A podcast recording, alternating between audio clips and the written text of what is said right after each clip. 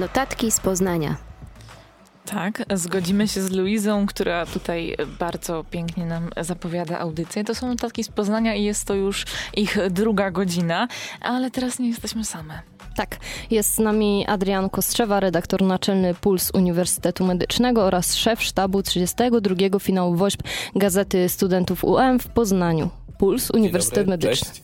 W pierwszej kolejności bardzo dziękuję za zaproszenie. Bardzo się cieszę, że dzisiaj mogę być z Wami i rozmawiać o naszym wydarzeniu Medyczny Pomaga 5.0. Wiemy, że pomysł narodził się 5 lat temu, jest to piąta edycja. Co na to wpłynęło? Od czego w sumie to wszystko się zaczęło? 5 lat temu, kiedy rozpoczynała się pierwsza akcja w ramach Medyczny Pomaga, ja sam jeszcze nie byłem studentem UMP, więc mogę się tylko domyślać na podstawie własnych doświadczeń, co było takim motorem napędowym przy tworzeniu tego wydarzenia. Mm, według mnie to na pewno chęć pomocy innym. Taka bezpośrednia możliwość e, zaangażowania się w pomoc potrzebującym, ale też chęć rozwijania umiejętności społecznych, takich jak komunikacja, organizacja, czy na przykład współpraca zespołowa. E, tak jak mówię, człowiek, który pragnie działać, zawsze znajdzie taką możliwość.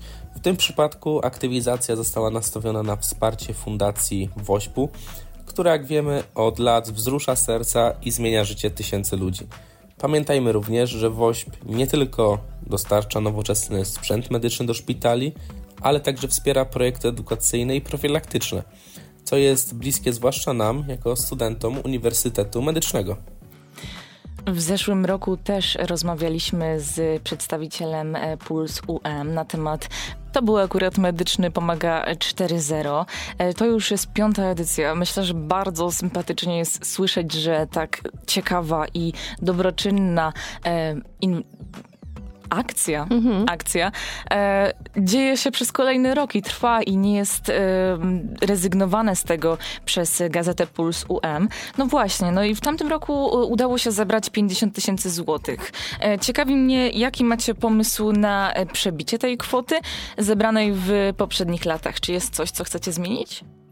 Zanim przejdę do sedna odpowiedzi, jeszcze wspomnę o akcji Medyczny Pomaga 4.0, czyli o poprzedniej edycji, którą również miałem przyjemność współtworzyć. E, wtedy zrobiliśmy kilkanaście akcji profilaktycznych, które były połączone z różnego typu warsztatami, w których udział wzięło łącznie kilkaset osób.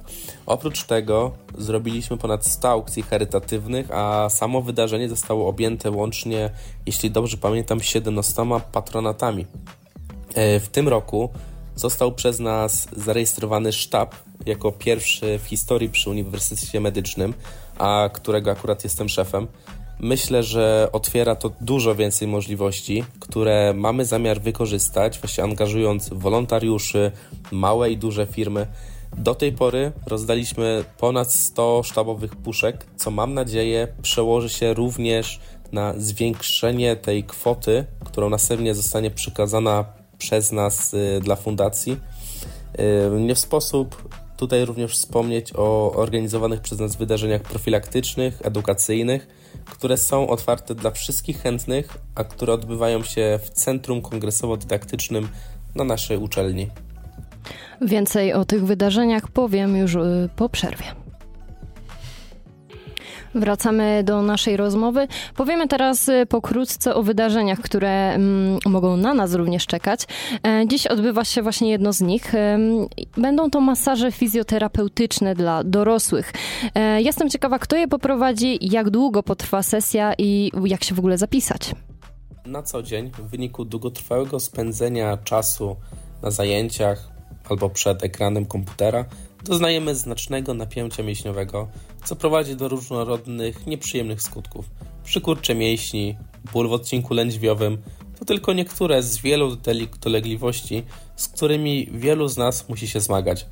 Aby przeciwdziałać tym problemom i poprawić samopoczucie, studenci fizjoterapii z naszej uczelni pragną zaprosić wszystkich chętnych na to wyjątkowe wydarzenie. Dzisiaj w Centrum Kongresowo-Dydaktycznym między godziną 17 a 20 odbędą się wspomniane masaże, które z pewnością pomogą rozluźnić napięte mięśnie, złagodzić ból oraz poprawić ogólne samopoczucie. Masaż brzmi kusząco, ale to nie wszystko, z czego możecie skorzystać, bo odbędą się także badania układu ruchu dla dzieci, dokładniej dla dzieci do lat 18. Jesteśmy ciekawe, na czym to polega, kto takie badania przeprowadza i ten zakres, czy naprawdę jest od 0 do 18, czy można przyjść na przykład z noworodkiem? nie możemy zapominać o najmłodszych, w związku z czym zorganizowaliśmy specjalnie dla nich osobne badania, które zostaną przeprowadzone przez fachowca w swojej dziedzinie. Pani docent, która będzie prowadzić e, badania, na co dzień pracuje jako fizjoterapeuta i osteopata z pacjentami neonatologicznymi i pediatrycznymi oraz jako pracownik naukowo-dydaktyczny w Katedrze i Klinice Reumatologii, Rehabilitacji i Chorób Wewnętrznych Uniwersytetu Medycznego w Poznaniu. Jest terapeutą integracji sensorycznej, odbyła staż w Belgii w szpitalu uniwersyteckim oraz w Szwajcarii w szpitalu uniwersyteckim w Genewie. Ponadto ukończyła dużą ilość zagranicznych kursów doszkalających. Dzisiaj również w Centrum Kongresowo-Dydaktycznym, ale między godziną 18.30 a 20.00 i tutaj szczególnie zapraszamy wszystkie dzieci do lat 18 wraz z opiekunami. E, zostaną zaoferowane badania takie jak diagnoza integracji sensorycznej, ocena i terapia rozwoju ruchowego niemowlęta, ocena postawy ciała oraz wizyta osteopatyczna. Osiągnięcia naukowe, o których powiedziałeś, robią ogromne wrażenie. Myślę, że dobrze słyszeć, że dzieci są w dobrych rękach. My już po piosence razem z Adrianem opowiemy Wam, co będzie działo się na panelach. Jak to bywa z dużymi wydarzeniami, odbywają się zawsze panele dyskusyjne i tym razem również się odbędzie z udziałem ekspertów y, z zakresu ochrony zdrowia. Panel będzie pod tytułem Zdrowie płuc po pandemii interdyscyplinarna perspektywa ekspertów ochrony zdrowia. Powiedz nam proszę, czego możemy się tam spodziewać i kto, ile osób y, poprowadzi. Temat panelu nie jest przypadkowy, ponieważ idzie w parze z tematyką 32 finału WOŚP, Dlatego podczas spotkania spróbujemy uzyskać odpowiedź, czy wciąż zbieramy żniwo pandemii COVID-19, porozmawiać o długu zdrowotnym po pandemii, omówić wyzwania, z jakimi zmagamy się w systemie ochrony zdrowia, kończąc na zdrowiu psychicznym społeczeństwa i medyków w pandemii COVID-19. Naszymi specjalistami w swoich dziedzinach będą doktor habilitowany nauk medycznych Piotr Rzymski, profesor Uniwersytetu Medycznego, biolog medyczny i środowiskowy, doktor nauk o zdrowiu Barbara Czech-Szczapa, kierownik pracowni epidemiologii działającej w ramach Katedry i Zakładu Profilaktyki Zdrowotnej Uniwersytetu Medycznego w Poznaniu, lekarka Magdalena Jutrzenka, specjalistka onkologii i hematologii dziecięcej, członkini Polskiego Towarzystwa Medycyny, Medycyny Stylu Życia oraz organizacji High Impact Medicine, oraz pani magister Urszula Szybowicz, prezes Fundacji Nie Widać Po Mnie, dyrektorka operacyjna w Polskiej Federacji Szpitali. Wydarzenie to, jak już zostało wspomniane, odbędzie się już jutro o godzinie 17 w sali A w Centrum Kongresowo-Dydaktycznym Uniwersytetu Medycznego w Poznaniu, na które już teraz wszystkich Państwa zapraszam.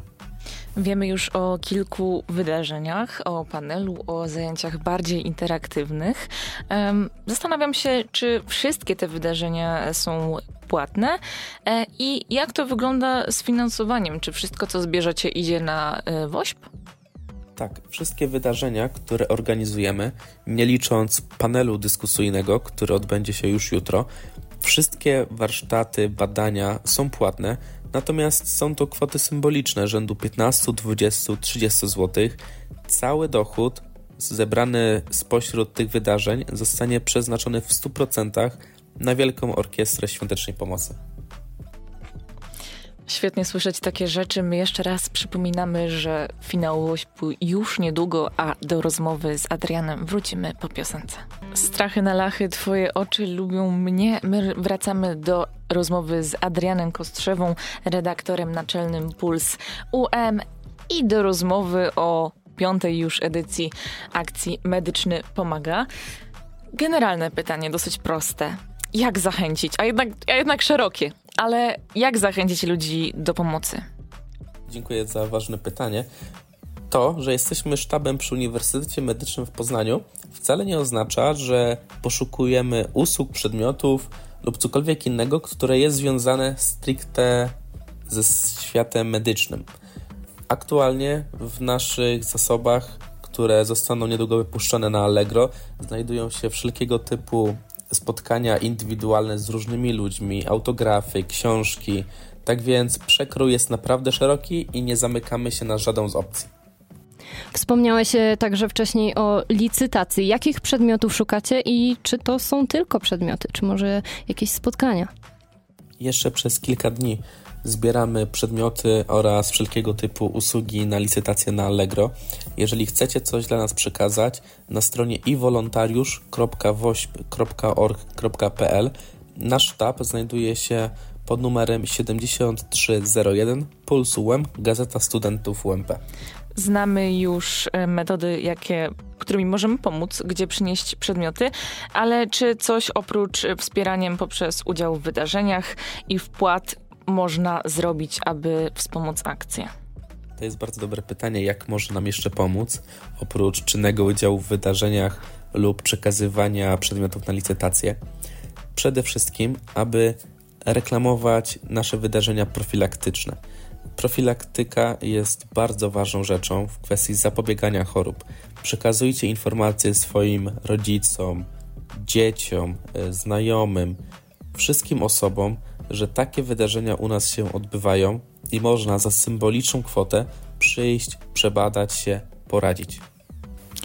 To takie pytanie na sam koniec naszej rozmowy. Dlaczego z roku na rok y, decydujecie się dalej pomagać?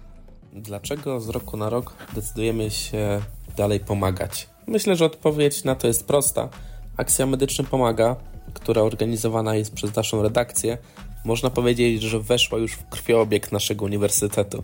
Co roku spotyka się z bardzo pozytywnym odbiorem wśród studentów oraz władz. Nasza społeczność akademicka bardzo chętnie angażuje się w organizację warsztatów, przeznacza przedmioty na licytację, pomaga w każdym aspekcie, niejednokrotnie poświęcając swój prywatny czas. Dlatego z tego miejsca chciałbym wszystkim tym osobom podziękować oraz złożyć wyrazy uznania. My również dziękujemy. dziękujemy także za rozmowę. Był z nami Adrian Kostrzewa, redaktor naczelny Puls Uniwersytetu Medycznego oraz szef sztabu 32 finału WOŚP Gazety Studentów Uniwersytetu Medycznego w Poznaniu. E, dziękujemy bardzo. My Was e, zapraszamy na piosenkę i żegnamy się już powoli. Jeszcze na chwilkę wrócimy. Dobrze. Męskie granie orkiestra, Igo, Daria Zawiałów i Król. Płoną góry, płoną lasy. My spływamy, nie płyniemy, ale spływamy, e, można powiedzieć, bo e, nasz udział w tej audycji już się kończy, ale nie martwcie się, bo zostawiamy was w bardzo dobrych rękach. Teraz usłyszycie wywiad, który przygotowała Ola Bielska, a rozmawiała on, ona z Katarzyną Frąckowiak, czyli zastępczynią kierowniczki schroniska dla zwierząt w Poznaniu, o tym jak w 2023 roku było, jeśli chodzi o ten żywot zwierząt, psów i kotów w schronisku poznańskim. No ale jednak półtorej godziny tutaj byliśmy my z wami, także myślę, że trzeba się pożegnać. E, zanim to realizowała nas Martyna Żerdzińska, a pomagała jej Patrycja Beske, a za mikrofonami były Julia Kaczmarek i Ola Grzelak. Słyszymy się, mam nadzieję, szybko. Początek nowego roku kalendarzowego to czas podsumowań ubiegłego. Dzisiaj dowiemy się, jak 2023 wyglądał w miejscu tak dobrze znanym porzuconym czworonogom, potraktowane przez człowieka jako zbędne dodatki, zaniedbane, często traktowane w nieludzki sposób. Doczekały nowego roku dzięki szansie, jaką dostały od losu i dobrych ludzi. Jak w 2023 miało się poznańskie schronisko dla zwierząt, jego mieszkańcy i pracownicy, o szczęściach w nieszczęściu i potrzebie ludzkiej wrażliwości dla zwierzęcych przyjaciół rozmawiałam z Katarzyną Frąckowiak, zastępczynią kierowniczki schroniska dla zwierząt w Poznaniu. Jak tak w jednym zdaniu by Pani podsumowała e, tutaj działalność w schronisku, działalność w ogóle schroniska w 2023? Jak zawsze trudny, ale udany. A jakie mm, wnioski wypływają z niego?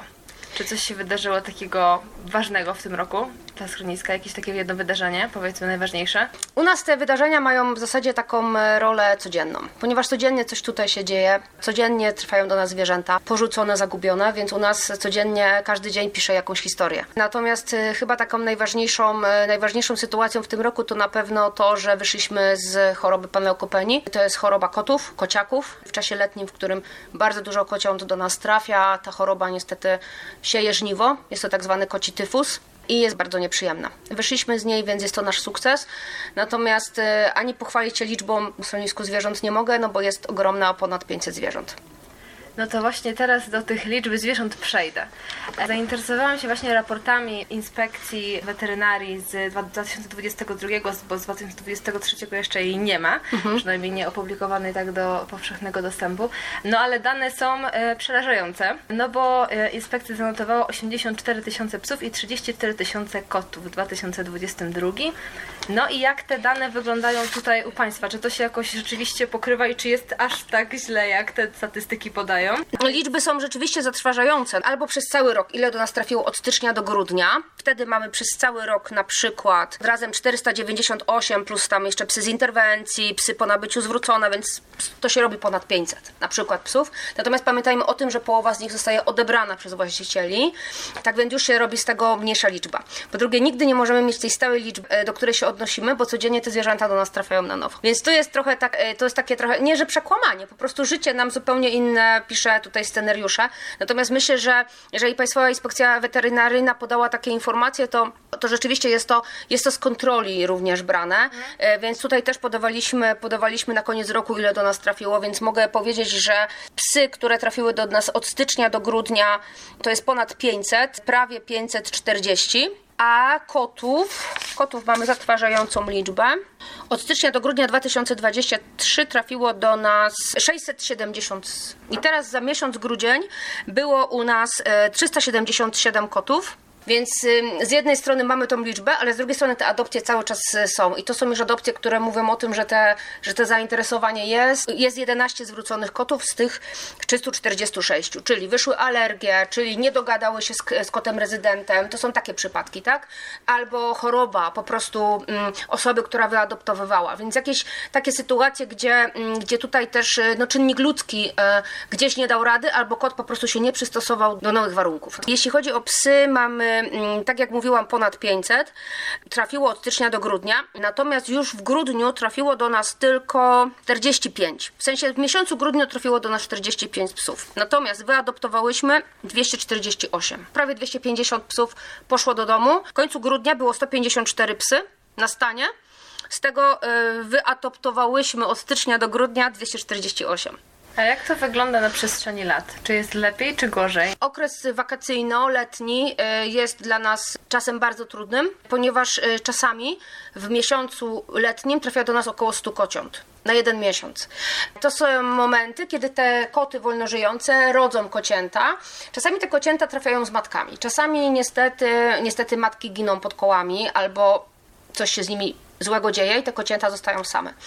Niestety najwięcej przypadków mamy takich, kiedy matka gdzieś mając kocia, mając gdzieś te kocięta, idzie po pożywienie, idzie się najeść, idzie na łowy, nie wiem jak to nazwać, i zostawia te kocięta na jakiś czas po prostu same. W tym momencie mm, człowiek chce tu uratować te kocięta, widząc je same, nie daje tym, tych 24 godzin na to, żeby z daleka obserwować. Chce dobrze, natomiast nie znając tej natury kociej, wygląda to tak, że zabiera te kocięta z tego miejsca, bo myśli, że ta matka nie wróci. Ta matka wraca po godzinie i ani nie ma małych, ani nie ma niczego. Małe są u nas, które musimy karmić na butelkę. E, no u nas są też zarazki, obojętnie jakie to nowe schronisko, dalej walczymy z, z chorobami, z bezdomnością, tak więc, e, tak więc e, do, zmierzam do tego, że, że te kocięta po prostu no, nie są karmione, czyli nie mają tej odporności, czyli szybciej łapią wszelkie zarazki w schronisku. Niestety czasami nie przeżywają. E, tak więc jakby zawsze mówimy wszystkim w tym okresie takim wiosenno-letnim, w zasadzie przez cały rok powtarzamy edukacyjnie, e, mówimy o tym, żeby, żeby obserwować te kocięta z daleka, żeby ich nie dotykać, bo ta matka to wyczuje. To jest natura. Jest bardzo ważna moim zdaniem taka edukacja i też mam wrażenie, że to o tym się mówi, ale i tak e, w takich mniejszych miejscowościach na przykład, to jest na porządku dziennym takie właśnie dokarmianie, przegarnianie, właśnie żeby uratować i ludzie nie mają kompletnie pojęcia, że tak w ogóle nie powinno się postępować. Tak, e, no niestety, muszę przyznać Pani rację. Mm, nie, nie jesteśmy z tego zadowoleni też, ponieważ e, odbieramy często takie kocięta w kartonie i wiemy, jaką mają przyszłość w schronisku i jakie mają małe szanse. E, więc dla nas jest to, jest to kolejny dramat, no bo oprócz tego, że walczymy z tą bezdomnością i z brakiem po prostu serca u ludzi z jakiegoś powodu, nie oceniam tutaj, natomiast te zwierzęta trafiają w jakiś sposób porzucone. Chciałabym też nadmienić, że e, schronisko dla nasze e, nie jest otwarte dla osób z zewnątrz, czyli wszelkie adopcje rozpoczynają się w momencie nawiązania z nami kontaktu, wypełnienia ankiety przedadopcyjnej. Nasz, nasz teren nie wchodzi się tak, bo się przyjechało i chciało się zabrać psa, więc, e, czy kota, więc te zapoznania chwilkę trwają. To jest pierwsza rzecz. Druga rzecz, bardzo ważna jest taka, mm, że nie przyjmujemy zwierząt właścicielskich. Nie wiem, ile miałobyśmy, mielibyśmy zwierząt w schronisku, gdybyśmy przyjmowali również te, gdzie ludziom po prostu się odechciało z jakiegoś powodu może nie odechciało, nie mogą mieć tych zwierząt. Pomagamy w wyadoptowaniu takiego zwierzęcia z, z, domu. Publikujemy na naszej stronie takie informacje. Bardzo często te psy, koty znajdują dom. Przyjmujemy tylko i wyłącznie bezdomne. Czyli w momencie, w którym, w którym taki pies jest puszczony na drugiej stronie Poznania, albo wyrzucony z samochodu, no mamy już do czynienia z tym, że nikt nie podjął już, że tak powiem, dalszej szansy. Nawet na, jakichś, na jakichś grupach, e, żeby spróbować tego psa wyadoptować, tylko jakby po prostu go porzuca no bo skądś te psy się biorą? No, nie mamy dzikich w okolicy Wielkopolsce, na pewno nie mamy tych dzikich psów. Nie sądzę, żeby to były takie ilości. Dzikie koty, wolno żyjące jak najbardziej. Natomiast nie jesteśmy regionem, którym posiada takie zwierzęta w jakichś dużych ilościach. Więc są to domowe zwierzęta, porzucone, czasami porzucone z innych miast. Bo dlaczego nie? Czasami znalezione gdzieś na granicy mm, Poznania e, z, innym, e, z inną gminą. Pamiętajmy, że, że Poznań dookoła ma bardzo dużo gmin i każda gmina ma też swoje ośrodki gminne, które powinny przyjmować te zwierzęta. E, my zajmujemy się tylko i wyłącznie miastem Poznań i gminą Luboń. No a właśnie tak, cofnę się do ludzi bez serca. Jak to wygląda e, ze stanem zwierząt, które tutaj trafiają? Czy, czy to właśnie, że tak powiem, utrzymuje się tendencja spadkowa i jest coraz gorzej i w coraz gorszym stanie one przychodzą? Czy, czy jest jakaś iskierka nadziei, że chociaż one przychodzą tutaj w miarę takim stanie powiedzmy dobrym. Nie wiem, gdzie, się, gdzie trzymać tej, tej, się tej iskierki nadziei. Natomiast oczywiście muszę przyznać rację, że bardzo dużo mamy psów w wieku do 5 lat. Na przykład e, psów w wieku do 5 lat, czyli to są nietrafione prezenty, albo psy, które trafiają, które z jakiegoś powodu e, powodują mm, e, duże problemy albo coś się dzieje w życiu takiego, że tego psa nie możemy już mieć. Yy, trudno mi to przechodzi przez gardło, ale jakby tak to wygląda. Yy, ludzie powinni brać odpowiedzialność na całe życie za te zwierzę, natomiast, yy, natomiast no w tej chwili to tak po prostu nie wygląda. Posiadanie zwierzęcia to odpowiedzialność na całe życie jego, ale też nasze, tak? Więc musimy wziąć pod uwagę to, że, że mogą się różne sytuacje w naszym życiu wydarzyć, że trzeba zaplanować te wakacje, które są w jakiś sposób też związane ze zwierzęciem, czyli za, albo go zabrać, albo znaleźć mu jakieś miejsce na ten czas. Jest to profilaktyka, tak? Tak jak ludzie, tak jak zwierzęta zwierzęta powinniśmy dbać o to, żeby się nie rozchorowały. Więc trafiają do nas zwierzęta do 5 lat rzeczywiście, a potem starsze. Starsze czasami ze zrzeczeń, niestety, niestety e, z uwagi na śmierć właściciela. Bardzo często niestety rodzina nie ponosi odpowiedzialności i nie bierze odpowiedzialności za takiego pieska. E, woli go oddać do schroniska. Więc jakby trafia do nas taki dwunastolatek, bez szansy na dom, Oczywiście ta szansa u nas jest, y, dość duże zasięgi i też chęć pomocy, y, chęć pomocy mm, y, po prostu ludzi tutaj powoduje, że te pieski trafiają w dobre ręce i rzeczywiście chcą tych staruszków. Chcą, żeby na ten koniec jakikolwiek, to może być trzyletni koniec. Wiem, że może brzmi to bardzo racjonalnie w moich ustach. Tak tu jest po prostu, e, że po prostu z nimi są, bądź, e, bądź czasami krócej, czasami dłużej, czasami dopiero te zwierzęta e, czują się na tyle lepiej, że umierają w spokoju po prostu. I w tych zwierzętach jest tak jak w nas czasami taka adrenalina, jakieś takie emocje, gdzie one chcą przetrwać albo mają takie półwłączone jakieś swoje instynkty, tak? No po pierwsze notorycznie się nie wysypiają. One żyją cały czas w hałasie. Obojętnie, czy mamy nowe schronisko, czy mamy stare schronisko, psy szczekają. Jak jeden zacznie, to rusza reszta. Więc one nie śpią dobrze, one cały czas czuwają. Niby mają swoje boksy pojedyncze i rzeczywiście te warunki są o wiele lepsze. Są zamykane na zimę, zamykane na noc, w zimie, e, w jesieni, tak? Mają podgrzewane podłogi, mają samonalewające się miski. Tak jak, jak mówimy o sobie, no jesteśmy takim europejskim pierwszym schroniskiem w Polsce, gdzie mamy takie rozwiązania. Natomiast to nie zastąpi nigdy domu, nigdy, nigdy zachowań behawioralnych, obojętnie ile mielibyśmy pracowników, ile mielibyśmy wolontariuszy, nie jesteśmy w stanie po prostu tak im pomóc, jakbyśmy chcieli. Natomiast no, to, co możemy, to zagwarantować im dom, to już jest naprawdę nasz sukces. Natomiast są momenty, w których e, po prostu żegnamy się z psami, z kotami, które, których nie wyadoptowaliśmy. I... Z jakich powodów najczęściej trafiają? Bo mieliśmy już nietrafiony prezent, mhm. wakacje. Co jeszcze takiego najważniejszego? Śmierć właściciela na pewno, bo to jest to zrzeczenie, o którym mm. mówiłam, czyli, e, czyli śmierć właściciela i jakby rodzina wtedy nie przejmuje takiego zwierzaka, nie chce. Czasami jest tak, że ta osoba nikogo nie ma, ale co mnie w ogóle zastanawia i co nas bardzo zastanawia, czasami sąsiedzi chcą przejąć te zwierzęta, a czasami ta rodzina nie jest w stanie jakoś tak zabezpieczyć tego zwierzęcia. Też to rozumiem, są różne sytuacje życiowe, tak? Mają też swoje zwierzęta i tak dalej. Natomiast jakby te zwierzę po na przykład 12 latach bycia na kanapie trafia do schroniska. Mm, więc dla niego to jest, to jest po prostu y, dramat. Y, nie wiem, jakie jeszcze powody. Nie wiem, jakimi powodami kierują się ludzie, robiąc takie rzeczy. Kompletnie tego, mm, tego nie umiemy jako pracownicy schroniska zrozumieć. E, z drugiej strony cieszymy się, że mm, jakieś osoby, które znajdą takie zwierzę, nie wiem, przyprowadzają je do schroniska, e, zabezpieczają, E, czasami dowożą. E, można zadzwonić również na Straż Miejską, tak zwany ekopatrol. Oni również odbierają te zwierzęta.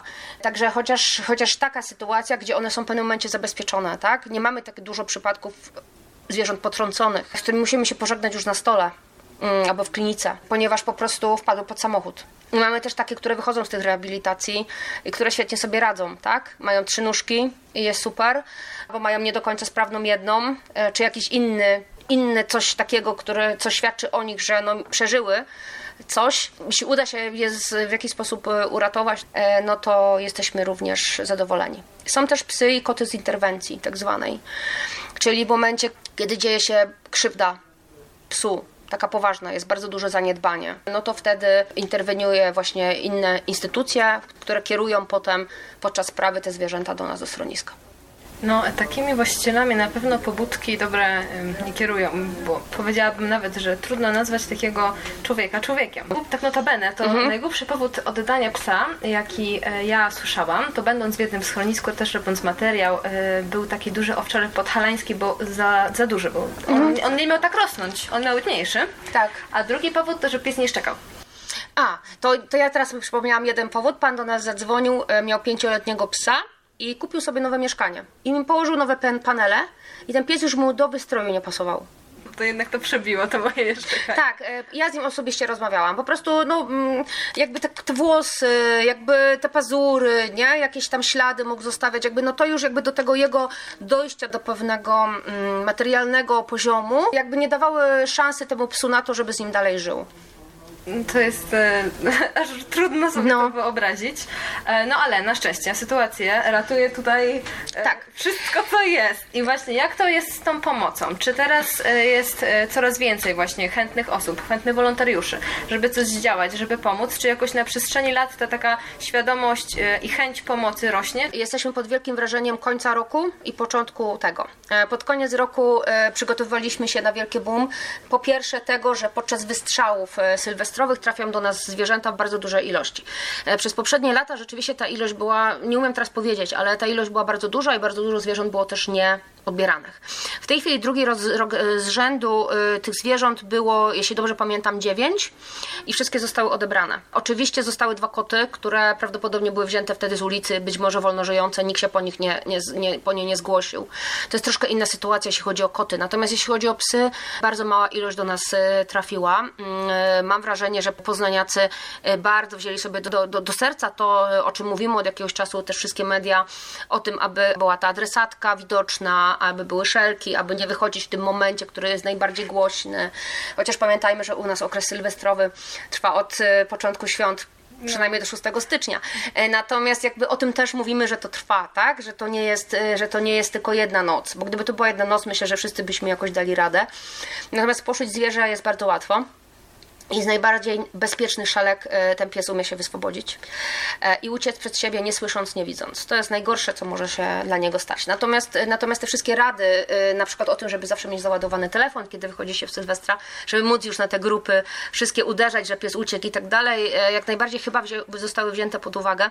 Byłam akurat osobiście przygotowana z pracownikami na to, żeby publikować wszystko, żeby mówić, pies trafił stąd, tutaj sprawdzanie chipa i tak dalej. Natomiast okazało się, że rzeczywiście bardzo mało zwierząt do nas trafiło. Mm, Myślę, że to kończyło się na tym, że osoby z Poznania e, po prostu przetrzymywały te psy u siebie i ktoś już odbierał. One już jakby mm, mm, nie jechały do schroniska. Czyli, że właściciel w krótkim czasie się odnalazł. Co jeszcze? Na pewno dary. Bardzo często piszemy, my na cały grudzień też na Facebooku publikowaliśmy e, taki kalendarz adwentowy. Wydawało się, że mamy mało zasięgów na ten kalendarz adwentowy, bo tam robiliśmy taką listę, co potrzebujemy. Czyli na przykład e, szykując się na wiosenną panełkopenię niestety i kocięta, bo to co roku jest. Na przykład prosiliśmy o małe miseczki, o jakieś tam miseczki, które, które na jakichś drzwiczkach do szpitala lepiej się trzymają, kotki nie, nie wylewają. E, O kuwety, o, o, mm, o najróżniejsze e, butelki, e, termofory, mm, czyli rzeczy, które są drogie, które są bardzo często potrzebne i które nie zawsze po tej chorobie możemy dalej w ogóle używać. Te rzeczy powinno się zniszczyć, mm, żeby nie przechodziły dalej. E, Ta panełkopenia jest bardzo trudna do mm, wyplenienia, że tak powiem. I do czego, do czego zmierzam? Chodzi o to, no, że jesteśmy zarzuceni w tej chwili. Mogę tylko wszystkich przeprosić, że jeśli przywożą e, nam te dary, to te dary rzeczywiście leżą, śnieg czasami na nie pada, natomiast my je za chwileczkę układamy, mm, sortujemy, suszymy i układamy w odpowiednie miejsca. No po prostu jesteśmy zarzuceni tymi darami i tą dobrocią. Natomiast to nie zmienia faktu, że jest nam bardzo miło. Mam nadzieję tylko, że nie urażamy ludzi tym, że one może są w niestosownym, niestosownej górze leżą po prostu. Natomiast, natomiast to wszystko już, e, już e, mamy dwa namioty przygotowane, zakupione regały na początku roku, już na końcu grudnia były zamówione. E, Także zaraz będziemy po prostu w tym wielkim obiekcie jeszcze, jeszcze dorabiać miejsca do tego, żeby te dary zmieścić. Tak więc tylko się cieszyć, że tak jest, że mamy takie duże wsparcie i rzeczywiście w momencie takich naszych dużych apelów mamy odzew, więc, więc to nas bardzo cieszy, bo, bo to nam daje siłę, żeby dalej walczyć z tymi przeciwnościami tutaj losu. A jak wygląda na przykład sprawa domów tymczasowych? Czy co jest coraz więcej chętnych osób, żeby właśnie stać się takim domem? Domy tymczasowe dla nas to domy tymczasowe przede wszystkim właśnie dla staruszków. E, Bardzo nam zależy na tym, żeby takie psy, które na przykład przyjmują dożywotnio, na przykład jakiś lek, e, mogły trafić do domu e, i żeby ten dom też szukał stałego domu, jeśli nie może być tym domem mm, domem na, na zawsze. To są pewne ograniczenia. Ograniczenia takie, jeśli chodzi o kociaki, o w ogóle o małe pies, o, o małe zwierzęta, młode, o to mi chodzi i starsze. Em, najbardziej tym e, staramy się dać domy tymczasowe, żeby one doszły do siebie, żeby e, poczuły trochę tego domowego ciepła, żeby miały ten wreszcie ciszę. Natomiast tutaj są pewne obwarowania. Przede wszystkim trzeba umieć podawać leki. Nawet kociaki y, muszą być, y, jeżeli trafiają na dom tymczasowy, na przykład karmione co 2-3 godziny. To musi być specjalistyczne masowanie brzuszków, o którym ja już teraz wiem po iluś latach pracowania w schronisku, ale to tak się nie nabywa od razu. Nadal mam z tym problem. Natomiast wtedy te, te zwierzątka naprawdę trafiają i są z nami pod stałą, pod stałą opieką. Te domy tymczasowe jak najbardziej są, natomiast dom tymczasowy to tak jak to brzmi, jest to dom, dom tymczasowy, który w jakiś momencie nam bardzo pomaga, natomiast e, bardzo rzadko on się też e, przekształca w dom stały. Tutaj trzeba zawsze zająć się tą promocją, tym szukaniem domów i rzeczywiście to się dzieje. Natomiast to też trzeba być przygotowanym. Zazwyczaj to jest jakieś zwierzę, które potrzebuje pomocy, które potrzebuje wykarmienia, które potrzebuje na przykład y, nie, nie może mieć schodów, tak? Bo na przykład za chwileczkę będziemy nosić takiego psa. Pewne obwarowania, gdzie mm, ludzie może nie, że y, rezygnują, natomiast zdają sobie sprawę, że ten dom, dom, dom, tymczasowy jakby nie jest taką łatwą sprawą, y, jeśli, jeśli chodzi o to. Tak my traktujemy dom, domy tymczasowe, nie? E, No a jeśli nie dom tymczasowy, no to adopcja. No i teraz takie z ciekawości może też pytanie. Jakie najczęściej psy i koty są adoptowane? Czy jest jakaś taka reguła? No bo już doszłyśmy do tego, że im starsze, tym jest gorzej. Ale jak to wygląda na przykład wśród młodych? Czy ludzie, że tak powiem, wybrzydzają? Czy raczej jest tak, że ktoś wejdzie, pokocha psa i bierze, nieważne co się dzieje, nieważne czy choroba, nieważne czy młodszy czy starszy? To się z czasem bardzo zmieniło. Na przestrzeni lat myślę, że wszystkich nas w jakiś sposób e, e, również ten kryzys gdzieś gospodarczy uderzył. Myślę, że ludzie myślą bardziej przyszłościowo, e, co będzie z z tym zobowiązaniem na parę lat. Więc to też nam, też nam gdzieś tutaj w tych naszych statystykach wychodzi. Oczywiście te ankiety nie mówią o tym, chociaż ta ankieta ma trzy strony i ogólnie i tak nam bardzo dużo mówi o przyszłym właścicielu. Te ankiety pozwalają na, na to właśnie, żeby zaproponować odpowiednie zwierzę. Mm, zazwyczaj oczywiście większość tych zwierząt jest na naszej stronie internetowej, ale przecież nikt nie będzie brał e, psa czy kota ze zdjęcia. Tak więc ta ankieta pozwala nam na to, żebyśmy mniej więcej właśnie określili, jakie zwierzę czy suczka, czy pies, czy, czy chcemy psa, który bardziej będzie pracował, czyli będzie aktywny, czy taki, który wyjdzie na spacer pod blok i mu starczy. E, tego jest bardzo dużo, tych pytań. E, na podstawie tych ankiet biuro próbuje dostosować psa, zazwyczaj nie jest to jeden pies. Wtedy dopiero zaprosimy ludzi na zapoznanie. Dla Radia Meteor Aleksandra Bielska.